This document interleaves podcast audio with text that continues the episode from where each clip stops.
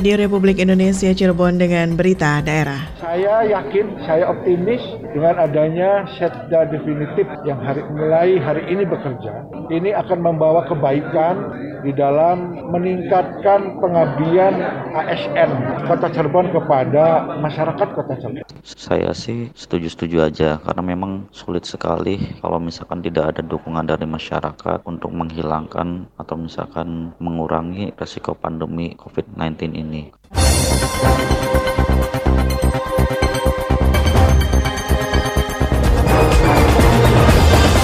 Seri berita Sekretaris Daerah Definitif Pemerintah Kota Cirebon resmi dilantik. Sejumlah masyarakat setuju kebijakan Gubernur Jawa Barat adanya sanksi tilang bagi yang tidak menggunakan masker. Bersama saya Lisma Julia Sari inilah berita daerah selengkapnya.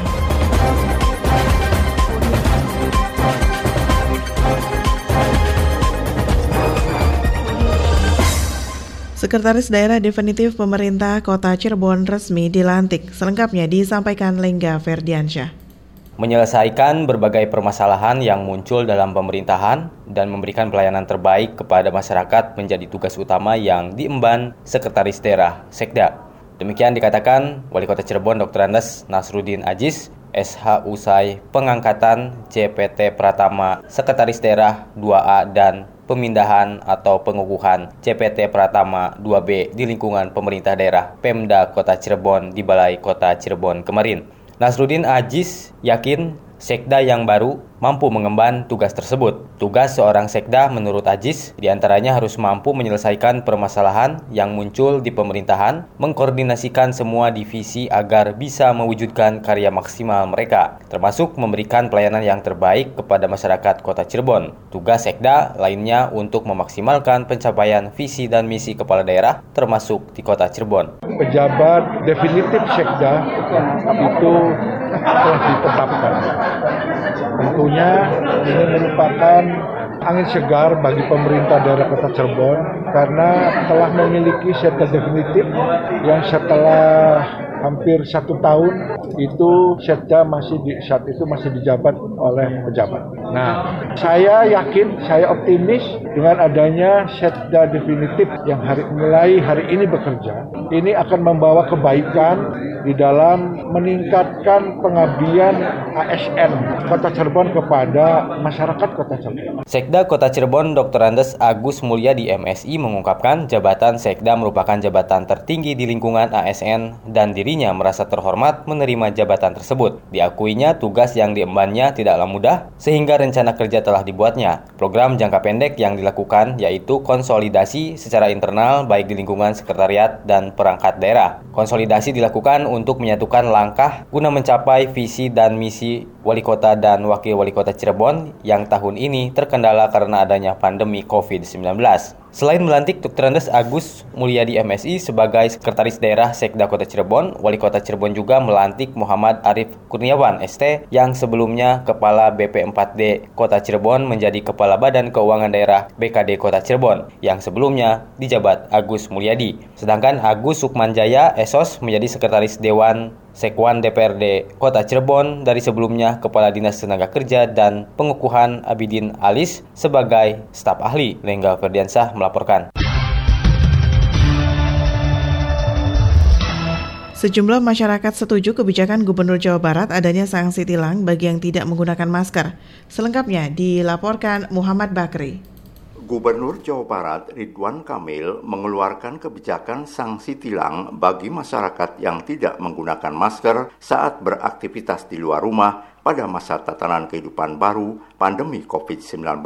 Kebijakan ini akan mulai efektif diberlakukan tanggal 27 Juli mendatang di seluruh wilayah Jawa Barat termasuk di Cirebon dengan sanksi denda sebesar 100.000 hingga 150.000 rupiah. Terkait kebijakan yang diambil Gubernur Jawa Barat Ridwan Kamil, salah seorang pendidik di Kabupaten Cirebon, Fahri Kurniawan, mengaku sangat setuju dengan langkah tersebut, terlebih kesadaran masyarakat dalam mematuhi protokol kesehatan di masa adaptasi kehidupan baru masih sangat rendah, sehingga perlu ada sedikit ketegasan dari pemerintah. Saya sih setuju-setuju aja, karena memang sulit sekali kalau misalkan tidak ada dukungan dari masyarakat untuk menghilangkan atau misalkan mengurangi resiko pandemi COVID-19 ini. Karena memang COVID-19 ini bukan hanya lawan dari pemerintah, tetapi dari masyarakat maupun diri kita sendiri yang harus benar-benar sadar akan bahayanya COVID-19. Jadi kalau misalkan Pak Gubernur Ridwan Kamil memperlakukan sanksi tilang ini, saya setuju, tetapi harus benar-benar dicermati lagi mengenai kebijakan-kebijakan ini jangan sampai malah disalahgunakan oleh pihak-pihak yang tidak bertanggung jawab. Hal yang sama juga disampaikan masyarakat Kabupaten Cirebon yang lain, Tina Aprilia saat dimintai pendapatnya. Menurutnya, dengan kebijakan tilang yang akan diterapkan, diharapkan bisa membuat masyarakat lebih sadar diri dalam menjaga kesehatan dirinya dan orang lain dengan selalu menggunakan masker di tempat umum. Dengan upaya untuk mencegah penularan COVID dan penyakit lainnya yang lebih parah terhadap orang ke orang, maka dari itu kita dihimbau untuk menggunakan masker. Karena tingkat kesadaran masyarakat sendiri yang belum sepenuhnya untuk menggunakan masker maka salah satunya yakni memperlakukan sanksi tilang karena mungkin dengan sanksi tilang tersebut masyarakat akan lebih takut karena biasanya masyarakat bukan takut akan bahaya terhadap ancaman dirinya tapi mereka lebih takut akan aturan-aturan seperti tilang. Ia berharap dengan adanya kebijakan yang dikeluarkan Gubernur Jawa Barat Ridwan Kamil terkait sanksi tilang bagi masyarakat yang tidak menggunakan masker diharapkan akan membuat masyarakat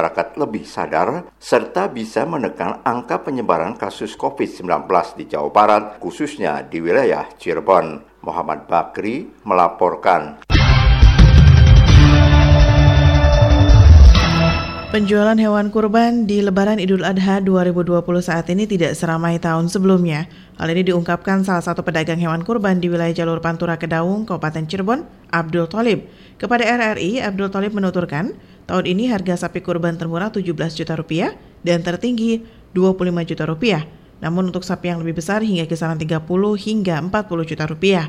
Untuk tahun-tahun sebelumnya, menurut Abdul sangat ramai, bahkan hingga lebaran Idul Adha bisa menjual hingga 60 ekor sapi. Namun saat ini, bisa menjual sampai 30 ekor sapi kurban akan sangat beruntung. Lebih lanjut, ia berharap pandemi COVID-19 bisa segera selesai agar penjualan hewan kurban bisa kembali normal dan masyarakat bisa menikmati Hari Raya Idul Adha dengan penuh sukacita.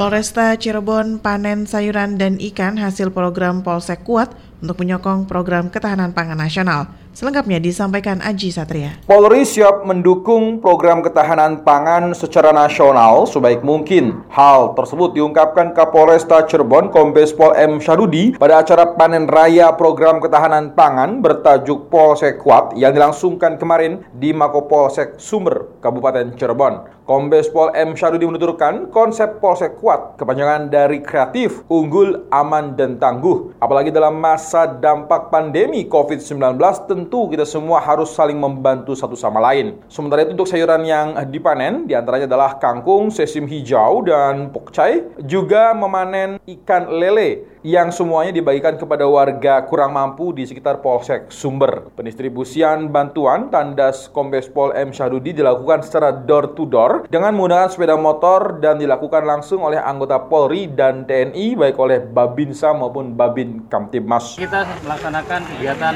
panen, panen program hmm. ketahanan pangan dengan konsep Polsek Kuat jajaran Polresta Cirebon, di mana program ketahanan pangan yang digagas oleh Polri dalam hal ini Polresta Cirebon bertujuan bertujuan untuk mengantisipasi terjadinya krisis pangan di masa pandemi COVID-19 saat ini. Aha.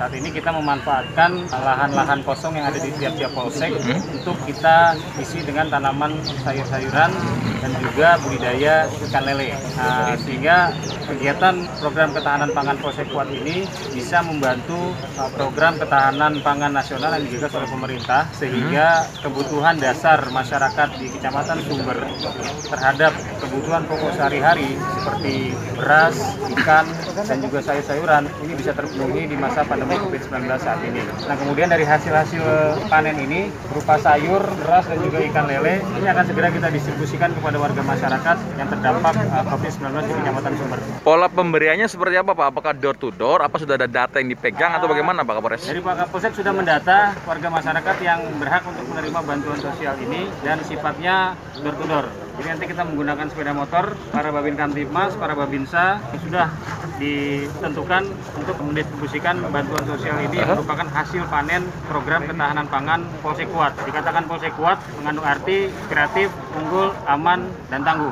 Ya, ini panennya serentak seluruh polsek jajaran atau bergantian? Bergantian, karena uh, minggu lalu, bulan lalu kita melaksanakan panen di Polsek Gempol, Polsek Kuru, dan juga Polsek Lemah Abang. Hari ini kita melaksanakan panen di Polsek Jember. Hmm? Nanti ke depan polsek-polsek lain yang berada di wilayah hukum Polres Cirebon juga akan melaksanakan kegiatan uh, panen program ketahanan pangan ini. Kombes Pol M. Syadudi menegaskan seluruh anggota Polri di wilayah hukum Polresta Cirebon siap mensukseskan program ketahanan pangan dengan semangat program Polsek Kuat untuk Indonesia. Aji Satria melaporkan.